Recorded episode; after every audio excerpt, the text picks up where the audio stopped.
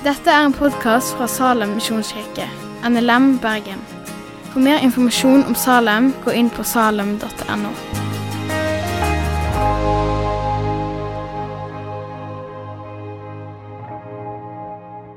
I dag så skal vår egen Kristian Lilleheim tale til oss om eh, 1. Korinterne 10. Så da vil jeg be for talen. Kjære Gud, jeg bare ber om at du er med Kristian når han skal tale ditt ord. Jeg ber om at eh, det som blir sagt, kommer fra deg og ikke fra noen andre, Jesus. At det som kommer inn i hjertet våre, det du vil si til oss. Jeg ber om at vi skal få noe ut av talen og kan ta med det videre i livet vårt, Jesus. I ditt navn. Jeg vil lese da 1. Korinterne 10, 1-13. Jeg vil at dere skal vite dette, søsken. Våre fedre i ørkenen var alle under skyen, og alle gikk de gjennom havet. Alle ble døpt til Moses i skyen og i havet, og alle spiste de den samme åndelige mat og drakk den samme åndelige drikk. For de drakk av den åndelige klippe som fulgte dem, og denne klippen var Kristus. Likevel forkastet Gud de fleste av dem, for de ble slått ned der i ørkenen. Disse hendelsene er advarende eksempler for oss. De skal lære oss ikke å ha lyst til det onde slik de hadde. Bli ikke avgudsdyrkere, slik som noen av dem. For det står skrevet:" Folket satte seg ned for å spise og drikke, og så sto de opp for å danse. La oss heller ikke drive hor, slik som noen av dem gjorde. Så 23 000 mennesker falt på én dag. La oss heller ikke sette Kristus på prøve, slik noen av dem gjorde, de som ble drept av slangene. Og la oss ikke være misfornøyde og murre, slik noen av dem gjorde, de som ble drept av ødeleggeren. Det som hendte med dem, skulle være til advarsel. Det ble skrevet til rettledning for oss, og til oss er de siste tider kommet. Derfor må den som tror han, passe seg så han ikke faller. Dere har ikke møtt noen overmenneskelig fristelse, og Gud er trofast. Han vil ikke la dere bli fristet over evne. Nei, når dere blir fristet, vil han vise en utvei, slik at dere kan holde det ut. God kveld. Kjekt å se dere. Det føles eh, vanvittig lenge siden. Um, og det der er jo egentlig en festdag. Det er bare synd vi ikke kan synge. Eh, grunnen til det er at eh, det er Bergen kommune, smittevernoverlegen, har liksom sammen med eh, nei, smittejegere i hele um, hele Bergen har liksom bedt oss på sånne møter vær så snill, ikke ha allsang. Hvis det er allsang, og det skjer et eller annet, så er alle i karantene uansett. Um, så tenkte vi ok, vi er med på den uh, dugnaden her for å bruke en sånn floskel det siste året. Men det er ikke for alltid at vi ikke skal synge. Men så lenge smittesituasjonen er sånn den er i Bergen, så velger vi å være med sammen med andre menigheter på dette. her. Jeg heter Kristian fortsatt. Jeg eh, føler jeg har blitt et år eldre siden sist eh, og har noen sånn koronakilo eh, siden sist. Det meste har lagt seg akkurat her i ansiktet, har jeg sett når jeg ser i speilet.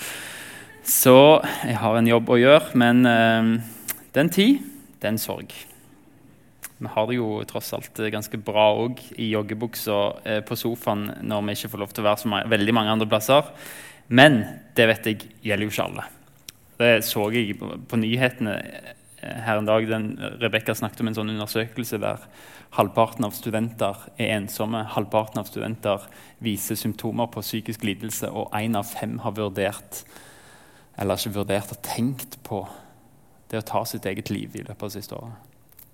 Og det vet jeg det er deres alder det, det handler om. Eh, og kanskje har du hatt det verste året du noen gang har vært borti. Eh, men både, jeg har lyst til å si, både vi nærmer oss forhåpentligvis slutten, og vi har folk i menigheten som er trent på å snakke om sånne vanskelige ting, som har lang erfaring med det. Så hvis du har behov for å prate med noen, så ta kontakt med oss. Eh, på salm.no finner du kontaktinformasjon. Fordi vi er en menighet som har lyst til å hjelpe òg når livet er tungt, og vi vet at det skjer i en så stor menighet som Salem, så er det til enhver tid mange som har det vondt. Det må vi bare erkjenne. Sånn er livet. Men vi har folk, vi har et apparat som vil være der for de som trenger det. Vi er jo midt i Korinterbrevet, og, og, kanskje har noen fulgt med på, på, streamen. Kanskje har noen tenkt nok digitalt innhold. Når jeg er ferdig med studiedagen, så gidder jeg ikke mer. Nå er det helg, nå gidder jeg ikke se mer skjerm. Men det går an å høre på podkast. Og alt sånt. Og de som er observante, og som kanskje har sett litt på teksten eller fulgte med i Bibelen nå, sånt, de ser at vi leste ikke hele kapittel 10. Grunnen til det er at det kommer litt om, om nattvær sånn etter disse versene her. De skal vi snakke om neste helg. Og så Etter det kom det litt om frihet og samvittighet, som egentlig eh, ble dratt litt med inn når vi snakket om kapittel 8. For de som savner de versene der, så går det an å gå tilbake og lytte, eller komme tilbake neste helg eh, og høre. Men vi skal snakke om kapittel 10. Og der begynner jo eh, Anders, hvis du kan hjelpe meg med den powerpointen og få den opp, så eh, skal jeg prøve å kjøre den derfra. Der begynner Paulus med å si jeg vil at dere skal vite dette, søsken. Våre fedre i ørkenen var under skyen, og alle gikk de gjennom havet. Alle ble døpt til Moses i skyen og i havet. Paulus snakker om israelsfolket. De var slaver i Egypt og hadde harde kår og tvangsarbeid. Og Så ber de og klager til Gud, og han hører de og stiger ned for å hjelpe dem. Den, eh, den historien, som for øvrig er skrevet i eh, Bibelens beste bok, syns jeg, eh, subjektivt. Det er ikke noe eh, objektivt bak det. Eh, men det kan du lese om i andre Mosebok. Det som skjer er at Gud velger seg ut Moses. Han skal lede folket ut av Egypt til et land som Gud har lova dem, et land som flyter av melk og honning.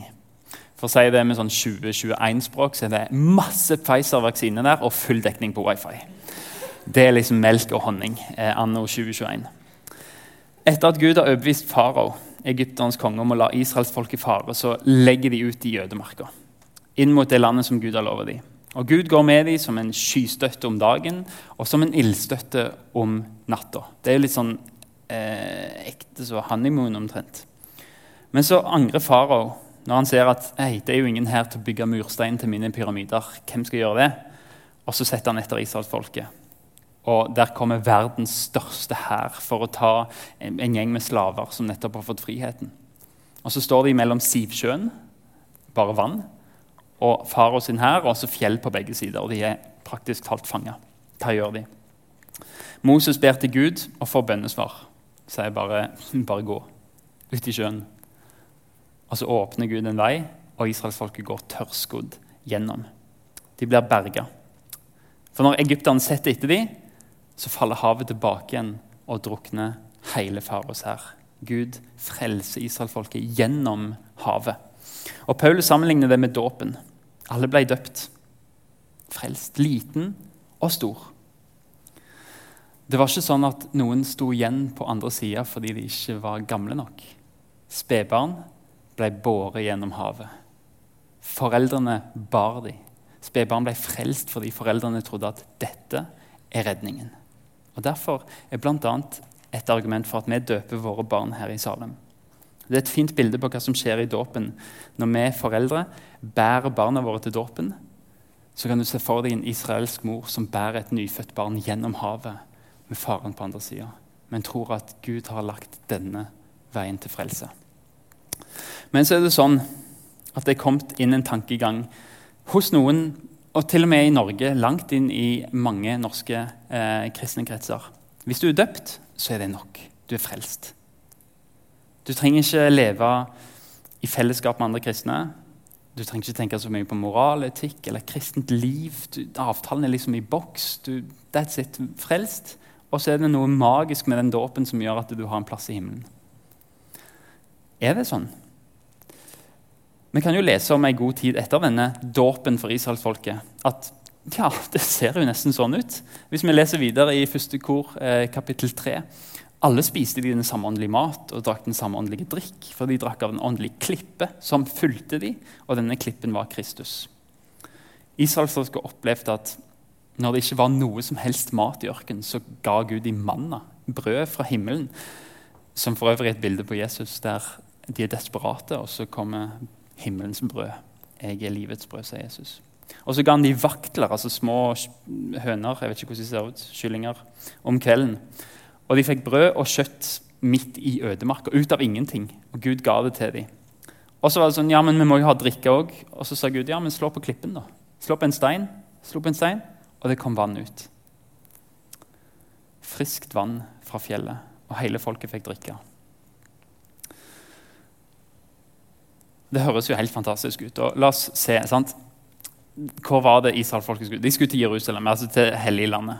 Til Lovalandet. Det er der pila peker. Men de er i Egypt, så det er jo et stykke. sant? Men så blir de døpt gjennom Sivsjøen, ca. der. Um, der, liksom, der, blir de frelst fra Egypt en gang for alle. Hæren blir ødelagt, de er helt fri. Og så kommer de til Mara. Der er det en, en, kilde med vann som er bittert, som ingen kan drikke, for da blir de syke. Så kaster Moses et tre i der, og så blir det på en eller annen måte frist, og hele folket får drikke vann. Så kommer de til Elim, en oase midt i ørkenen, der det er vann og hvile og skygge. I Sinai-ørkenen får de manna, og i Refidim så kommer det vann fra klippen. Ser det ikke ut som en sånn walk in the park? Gud er med dem, de får absolutt alt de trenger. Det ser veldig bra ut. De gikk med døpt, de, var, de gikk med Gud, de var døpt, alt var såre vel. De var på vei til det lova land. Så langt, så godt. Og Det virker jo som om dåpen gjennom havet har liksom gitt dem et sånt kjærlighetsforhold til Gud der ah, han går med oss uansett. Dette kan ikke gå galt. Men så er det ikke der historien ender. Selv om dette ser ut som en walk in the park, så, så kommer Paulus og sier han, Likevel forkasta Gud de fleste av dem. For de ble slått ned der i ørkenen. De fleste av dem kom ikke fram til landet Gud hadde lova dem. Som for øvrig er et bilde på himmelen. Det er lova land. Fordi de ble slått ned av Gud. Hva skjedde? Paulus skriver videre at disse hendelsene er advarende eksempler for oss. De skal lære oss å ikke ha lyst til det onde slik som de hadde. Bli ikke avgudsdyrkere slik som noen av dem. Det som skjedde, var at israelsfolket ikke holdt seg til Gud. De fikk lyst til det vonde. Noe som er uforenlig med et liv med Gud. Og så ble de avgudsdyrkere. De valgte, det vil si, de tok Gud, som hadde frelst dem og skapt dem, og så bare vekk. Og så valgte de noen andre som de tenkte dette kan jo ta Guds plass i våre liv. De forlot Gud, og de mista løftene. Fordi du kan ikke ha Guds løfter du kan ikke ha Guds gaver uten å ta imot Gud sjøl. Det samme gjelder i dag. Vi kan ikke bare ta imot åndens frukt, nådegaver, evig liv, uten at vi faktisk har en relasjon til Han som gir det til oss, til giveren. Men hva var det som gjorde at Israels folke falt når de var så godt i gang? For det står skrevet folket satte seg ned for å spise og drikke, og så sto de opp for å danse. Det verset er henta fra en spesiell historie. Der israelfolket står under Sinai-fjellet og venter på Moses, som er oppe på fjellet og får de ti bud av Gud. Og så blir de utålmodige. De tenker åh, nei, nå har Moses vært borte så lenge. Lederen vår er vekke, han er sikkert død. Og så er det jo han som har vært mellommannen mellom Gud og oss. Ja, ja, Kanskje får vi bygge oss vår egen gud, som vi kan liksom ha direkte kontakt med. Og Så samler de smykker og gull de har laga, og så lager de en gullkalv og danser rundt denne gullkalven og tilber den. Men tenk det, å ha blitt ført gjennom havet på et sånn spektakulært vis som ingen kan glemme det, når et hav bare og du går igjennom. Og allikevel så begynner de å tilbe en annen gud. Når de har fått vann fra klippen, manna fra himmelen, og vaktler som plutselig bare ligger utenfor som det er kjøtt i massevis. Men hvor er hukommelsen deres? Gud forteller Moses at vet du hva, jeg vil ikke gå med dette folket lenger. Han forteller at en dag så, så skal de gjøre regnskap for det de gjør nå. Det kommer en dag der mennesker skal, skal dømmes for sine gjerninger. Og da må det folket betale for sine synder. Og jeg, sier Gud, jeg vil stryke de ut av min bok. Det er det samme som å si at ok, du har et eh, medlemsliste for himmelen. Jeg stryker vi ut. Fordi de, de vil ikke ha med meg å gjøre. og da skal de slippe å ha med meg å gjøre i en evighet. Det tvinger jeg dem ikke til. Men Moses går mellom folk og Gud, som en mellommann, som et bilde på Jesus, som går mellom oss og Gud, og ber for folket. Og ber om tilgivelse. Og så er Gud nådig og fornyer pakten og sier ok, jeg skal gå med dem lenger. Og Den historien nevner Paulus som en advarsel om hva som kan skje, selv om vi er døpt. selv om Vi er kristne. Vi kan begynne å ha større tillit til andre guder, penger. Vi tror av og til omtrent som at penger har skapt oss og holder oss oppe og får hjertet vårt til å slå. Vi oppfører oss i alle fall sånn. Eller så kan det være jobb, egoisme eller trygghet. At det blir for viktig for oss. Men dette er ikke bare den eneste historien. Det er òg andre historier Paulus viser til i denne teksten. Som et advarsel for oss. La oss heller ikke drive hor, slik som noen av de gjorde. Så 23 000 mennesker falt på en dag. Det er en henvisning til når israelsfolket kom til en plass som heter Shittim. Og der Gud hadde sagt ikke gift dere med andre folk, fordi dette folket her skal jeg, Messias skal komme gjennom dette folket. Ikke bland andre folk inn her og nå. Vi kunne sagt veldig mye om det, men, men uansett så så er de ulydige. De tar seg jenter fra det området som Moab. De tar moabittiske jenter. Men ikke bare det, de adopterer gudene deres òg. Så de bare sier at Gud, eh, glem det. Her er det noen fine damer, og de har noen guder, så det blir sånn. Men Gud svarer med å kalle folket til omvendelse ved å sende en pest. Og vise at hvem er det som har makt over naturen her? Er det de gudene, eller er det jeg? 23 000 mennesker døde i den pesten. Og så er det også flere historier som forklarer hvorfor mange av israelittene ikke fikk komme inn i det lova land. La oss heller ikke sette Kristus på prøve, slik noen av dem gjorde, de som ble drept av slangene. Dette er kanskje en av de mest kjente historiene fra Det gamle testamentet. 4. Mosebok 21 for de som vil lese. Folket ble utålmodige. De var bare så lei av ørken. De klagde til Moses. 'Hvorfor førte du oss opp fra Egypt for å dø i ørken?' Her er det verken brød eller vann. Hæ? Hvor var du hen når manna kom og vaklene kom? Men ok, De har glemt det uansett. sant? Men her er ikke brød, her er ikke vann. Vi er lei av denne maten. Og så viser de at den Gud som har ført oss hit, vi stoler ikke på den guden lenger. Han gir oss ikke det vi trenger. Og så sender Gud giftslanger inn i leiren igjen for å vise men hvem er det her? Hvem er det som har makten her? Og De slangene beit israelittene, og mange av de døde. Og Så innser de at oi, vi har vendt oss vekk fra Gud. Og Så kommer de til Moses og ber om tilgivelse. Og Gud sier til Moses lag en kobberslange, heng den opp på en stang. Og de som ser på kobberslangen, de skal få leve. Nytestamentet plukker det opp igjen og sier det er akkurat samme som Jesus, som ble hengt på et kors, og de som tror på han skal få leve. Og Så fortsetter Paulus med historiene fra ørkenvandringen. Og de skal være advarsler for oss. La oss ikke være misfornøyd og murre slik noen av den gjorde, de som ble drept av ødeleggeren. Og Igjen er det folket som klager. Vi vil heller dø i Egypt enn å gå i ørken. Så blir de sendt inn som speidere, noen eh, i det landet som de skal i. Og Rapporten er at eh, de kommer tilbake og sier det vanvittig mye bra frukt der. Kjempebra. Det ser helt fantastisk ut. Og by the way, krigerne deres er huge. De kommer til å drepe oss. Og hele folket sier åh, bare vi kunne dødd her i ørken. Eller i Egypt. Hvorfor fører du oss til dette landet her, der vi må bli drept og våre kvinner og barn skal bli krigsbytte? Var det ikke bedre for oss å vende tilbake til Egypt? Og så sier de vi velger en leder, og så drar vi tilbake igjen. Men to av speiderne, Josva og Caleb, sier nei, nei, nei, kom an, Gud er med oss, sånn som han alltid har vært. Vær ikke redd, vi kommer til å greie det. Og Gud blir igjen sint på folket og sier hvor lenge skal dere forakte meg? Hvor lenge skal dere være, la være å tro på meg? Ennå har jeg gjort så mange tegn blant dere. Og så slår han igjen pest og driver dem bort. Og mange eh, blir drept. Moses går igjen gjennom folket, ber om tilgivelse. Og så sier han OK, ikke pest denne gangen, sier Gud. Jeg skal ikke utrydde dem, men allikevel så er det en straff der. Da sa Herren, jeg tilgir dem sånn du ber om. Men så sant jeg lever, så sant Herrens herlighet fyller jorda, ingen av disse mennene som har sett min herlighet, sett de tegnene jeg gjorde i Egypt, i ørken, og som likevel har satt meg for prøve for tiende gang og ikke hørt på det jeg har sagt, sannelig, ingen av de skal se landet jeg med ed lover fedrene deres. Ingen som forakter meg, skal se det. De får ikke komme inn i landet som jeg har lova til dette folket. Barna, ja. De voksne som gikk ut av Egypt, nei. De hadde sett Gud gjøre under, men hadde ikke tillit. Så la oss se på dette kartet igjen.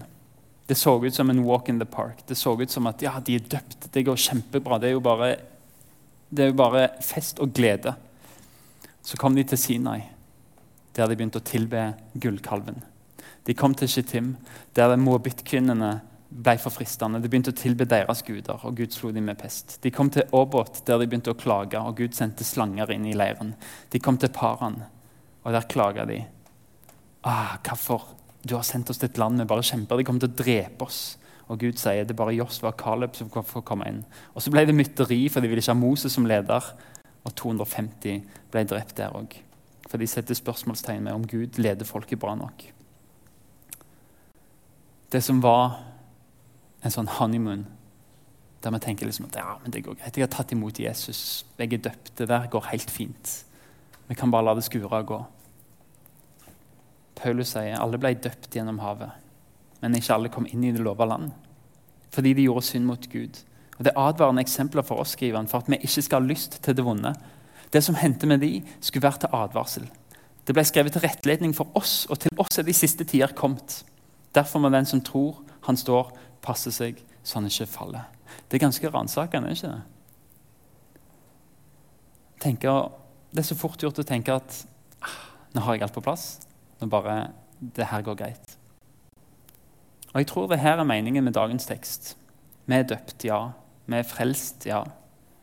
Men dåpen må gå sammen med en tillit til Gud.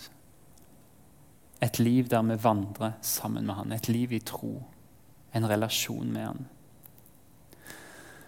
Det er noen ord som Paulus skriver rett før den teksten vi har gått gjennom i dag. Og Kanskje den kan være sånn ettertanke midt inn i dette. For alle de som har vært kristne og som lever med Jesus. Vet dere ikke at på stadion så deltar alle i løpet, men det er bare én som får seiersprisen? Løp der sånn at dere vinner den. Alle som deltar i kampleken, må nekte seg alt. De gjør det for å vinne en seierskrans som visner, med for å vinne en som aldri visner.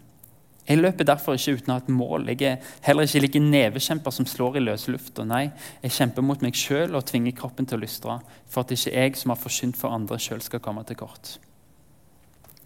En gang så kom det en ung mann til Jesus og sa hva skal jeg gjøre for å bli frelst. Og så sa Jesus hold buda. Og så sa han det har jeg fiksa. Er det noe mer? Og så sa Jesus ja, selg alt du eier. Gi pengene til de fattige. Kom, så følg meg. Han sa du må bare gi opp alt du har. Det er kun jeg som kan gi deg evig liv. Og så gikk han vekk. Og så, Han ville ikke følge Jesus. Det kosta for mye. Og så sa Jesus til disiplene det er faktisk det er vanskelig for en rik å bli frelst og komme inn i himmelen. Det er lettere for en kamel å gå gjennom et nåløye. Der har du doktorgrad eh, å prøve.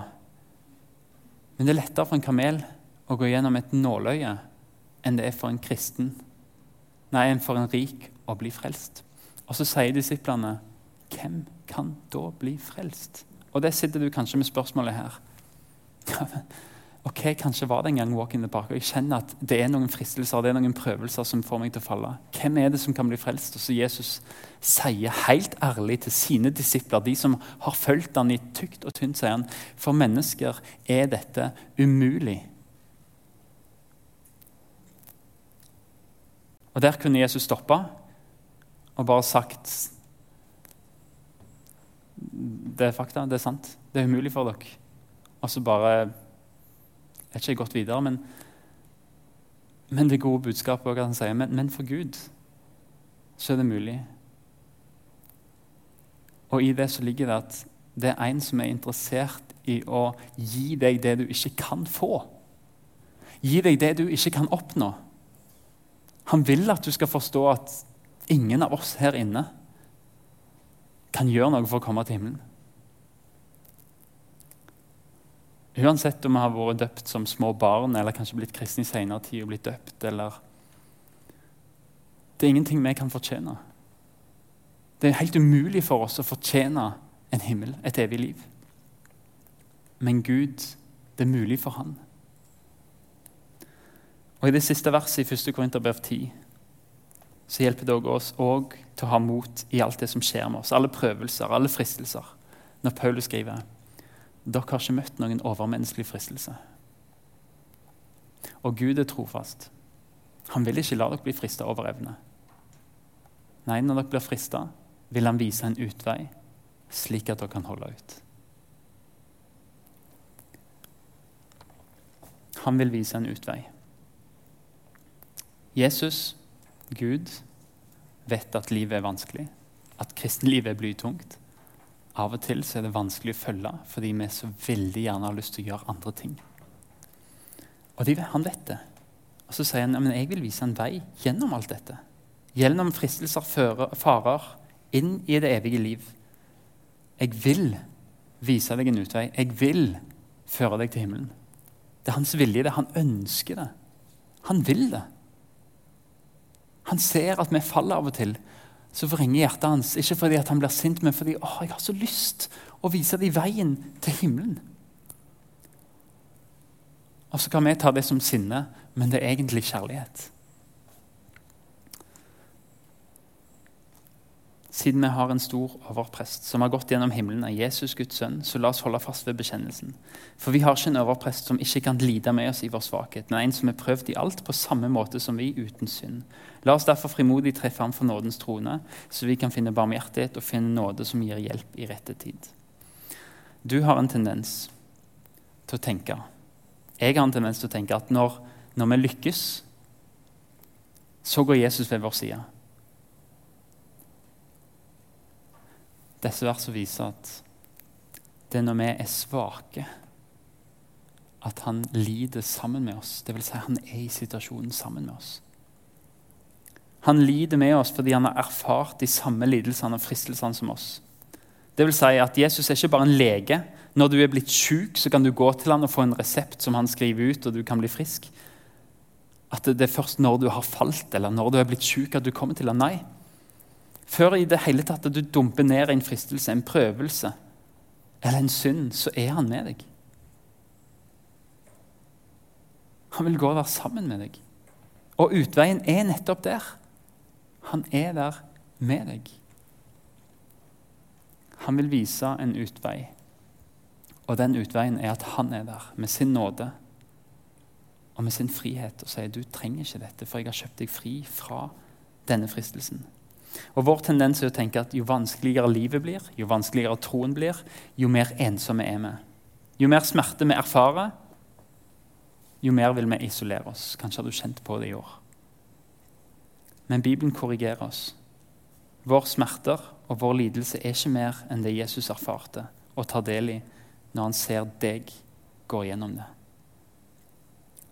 Og Det er smertende å se at du går gjennom ting som er vondt. Men du er aldri alene. Den sorgen og den fristelsen du bærer nå, den er erfart av Jesus i fortida. Den bæres av han i nåtida, og han skal ta den bort fra deg i fremtida. For han er med oss i det vanskelige. Han lider sammen med oss. De siste månedene så har Judas brev blitt eh, en sånn eh, monument i mitt liv. Eh, jeg skulle liksom lese ei bok i Bibelen, så det ble Judas brev, for det var bare ett kapittel. Så bare for å ha gjort noe produktivt i, under nedstenginga. Men eh, der står det Judas skriver til oss som er kristne, eller til deg som vil bli kristen og ta imot Jesus i dag. Judas, Jesu Kristi tjener og Jakobs bror, hilser den som er kalt og elsket av Gud, vår far, og bevart for Jesus Kristus. Det er tre verb der. Du har ikke gjort noen av dem. Du er kalt. Det er Gud som gjør. Som drar i ditt hjerte, og som sier 'Jeg vil ha deg'. Og når du kjenner en dragning mot de sannhetene, så er det Gud som kaller deg. Og han elsker deg. Legg merke til at det står ikke at ja, vi elsker han så han elsker oss. Nei, Gud elsker deg. Lenge før vi i det hele tatt begynte å tenke på det. Vi elsker av Gud vår Far og bevart for Jesus Kristus. Og akkurat det ordet der, det uttrykket 'bevart for Jesus Kristus' Jeg skulle tro at det sto liksom 'bevart av Jesus Kristus'. Det hadde, vært, det hadde gitt mening òg, men 'bevart for Jesus Kristus'. Og Det er et bilde som, som har hjulpet meg til å forstå den setningen. Se for deg eh, en brudgom som sitter i kirka og venter på bruden. Hvis han er tidlig ute, så er bruden allerede hos frisøren og blir dilla og dulla med. Og så er det da én person som som regel henter bruden, og det er brudens far. Og Tror dere han kommer med pickupen sin rett fra marka og den er full av drit? Nei. Han har selvfølgelig vaska bilen, og han har lagt sånn hvitt laken i setet, passasjersetet som går liksom utfor døra, sånn at hun skal komme ut av brudekjolen ikke skal bli skitten i det hele tatt før hun er i kirka. Iallfall var det sånn med, eh, med min svigerfar når han henta min kone hos, hos frisøren. Og Hvis det regner, så har han garantert paraply, for frisyren må jo ikke bli fluffy. Og så henter han bruden hos frisøren, paraply, inn i bilen, sørger for at brudekjolen helt inn, pakker inn, helt ren, fin, lukker døra forsiktig, tar bobleplass rundt. Og så når han kom til kirka, er paraplyen fram, sørger for at liksom alt ikke går i noen sølvputter, liksom helt til døra. Og så forlater han henne, og hun står helt skinnende ren, skinnende hvit, fin på håret, ser så bra ut som hun aldri har sett før. Og så sitter brudgommen inne og venter. Og så har brudens far bevart bruden for brudgommen. Og det er det Gud gjør med oss som kristne. Han bevarer oss for Jesus. At en dag så skal vi møte Jesus, og han skal se oss akkurat som brudgommen ser bruden komme inn. Og han kommer aldri til, han kommer til å tenke jeg har aldri sett denne personen så vakker. Fordi Gud bevarer oss. Uansett hva vi tråkker uti, så er det en som bevarer oss. Men dere, mine kjære, fortsetter Judas litt seinere. Må bygge dere opp under deres høyhellige tro under stadig bønn i Den hellige ånd. Bli værende i Guds kjærlighet mens dere venter på at våre Herre Jesu Kristi barmhjertighet skal føre dere til evig liv. Og igjen, hva gjør du her? Hva gjør vi her i disse versene? Vi ber, OK. Men det, det, er i Den hellige ånd. Han ber for oss, står det i Bibelen. Og vi blir værende i Guds kjærlighet og bare, det vil si bare marinere i sannheten at jeg er elska. This is it. Jeg er Guds barn. Og Hva skal vi gjøre når vi tenker det? Vi skal vente på at vår Herre Jesu Kristi barmhjertighet skal føre dere til evig liv. Legg merke til hele treenigheten. Gud, Far, Sønn og Helligånd som jobber for at du skal bli bevart og at du skal bli ført fram. Og det er ikke hvem som helst, for han som har makt til å bevare deg for fall og føre deg fram for sin herlighet, jublende og uten feil. Han, den eneste Gud, vår frelser ved Jesus Kristus, vår Herre. Han tilhører ære og majestet, velde og makt før alle tider og nå, all, nå og i alle evigheter. Han har makt til å bevare deg. Så selv om, selv om vi har en sånn periode der det bare walk in the park og følge Jesus, nyt det. Bruk det, fortell om det til andre. Men hvis du er der at det plutselig er stopp, og du kjenner at ah, nå falt jeg der igjen. Å nei, nå ble dette viktigere for meg enn Gud. Å nei, jeg greier ikke leve som en kristen. Så tenk at det er en som har makt til å bevare deg. Og han vil gjøre det. Og han vet at det er umulig for deg å bli frelst sjøl. Men han vil og ingenting er mulig for han som vil. Han vil føre deg hjem, og det er nåde. Det er nåde at vi blir frelst, og det å bli bevart. Derfor, la ikke hjertet bli grepet av angst. Tro på Gud og tro på meg. I min fars hus er det rom til de som fikser seg. I min fars hus er det mange rom. Til deg òg. Selv om vi føler oss mislykka. Hvis det ikke var sånn, så hadde jeg, hadde jeg, sagt at jeg vil gå og gjøre i stand et sted for deg. Nei. Jesus hadde ikke sagt det. Han hadde ikke løyet til deg. Han gjør i stand et sted for deg i himmelen. Og når han har gått og gjort i stand et sted for dere, så vil han komme tilbake og ta dere til meg, så du kan være der han er. Og dit jeg går, vet dere veien. Og så er vi utrolig takknemlige for skeptikere og tvilere som Thomas, som sier Nei, jeg vet ikke hvor det går. Hvordan kan jeg da vite veien? For da har vi fått Jesus svar.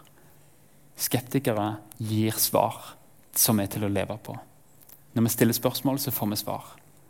Skepsis er ikke feil. Tvil er ikke nødvendigvis noe galt. Thomas tvilte. Og takket være hans tvil så får vi den sannheten du kan ta med deg. Jeg er veien, jeg er sannheten og livet. Ingen kommer til far uten gjennom meg. Herre Far, takk for at du har makt til å bevare oss fra fall og føre oss hellige og rene framfor deg. La oss få være den bruden som du har gjort hellig og rein. Du har tilgitt oss for alt vi har gjort. Alt vi har tenkt, alt vi har sagt. Alt vi ikke har gjort som vi burde gjort. Det var helt umulig for oss å holde oss på teppet hele tida, Jesus, og det vet du. Men du vil. Du vil ha oss hjem til deg. Og ingenting er umulig for deg. Til og med meg kan du frelse. Takk for at du bevarer oss reine.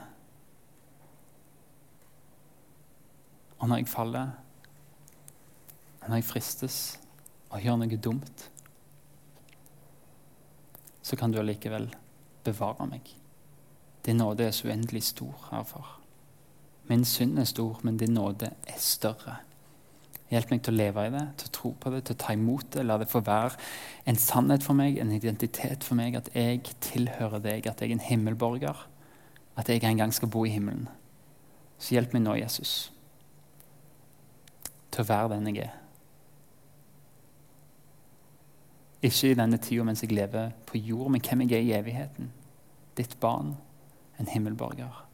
Så hjelp meg når jeg møter folk som jeg er uenig med.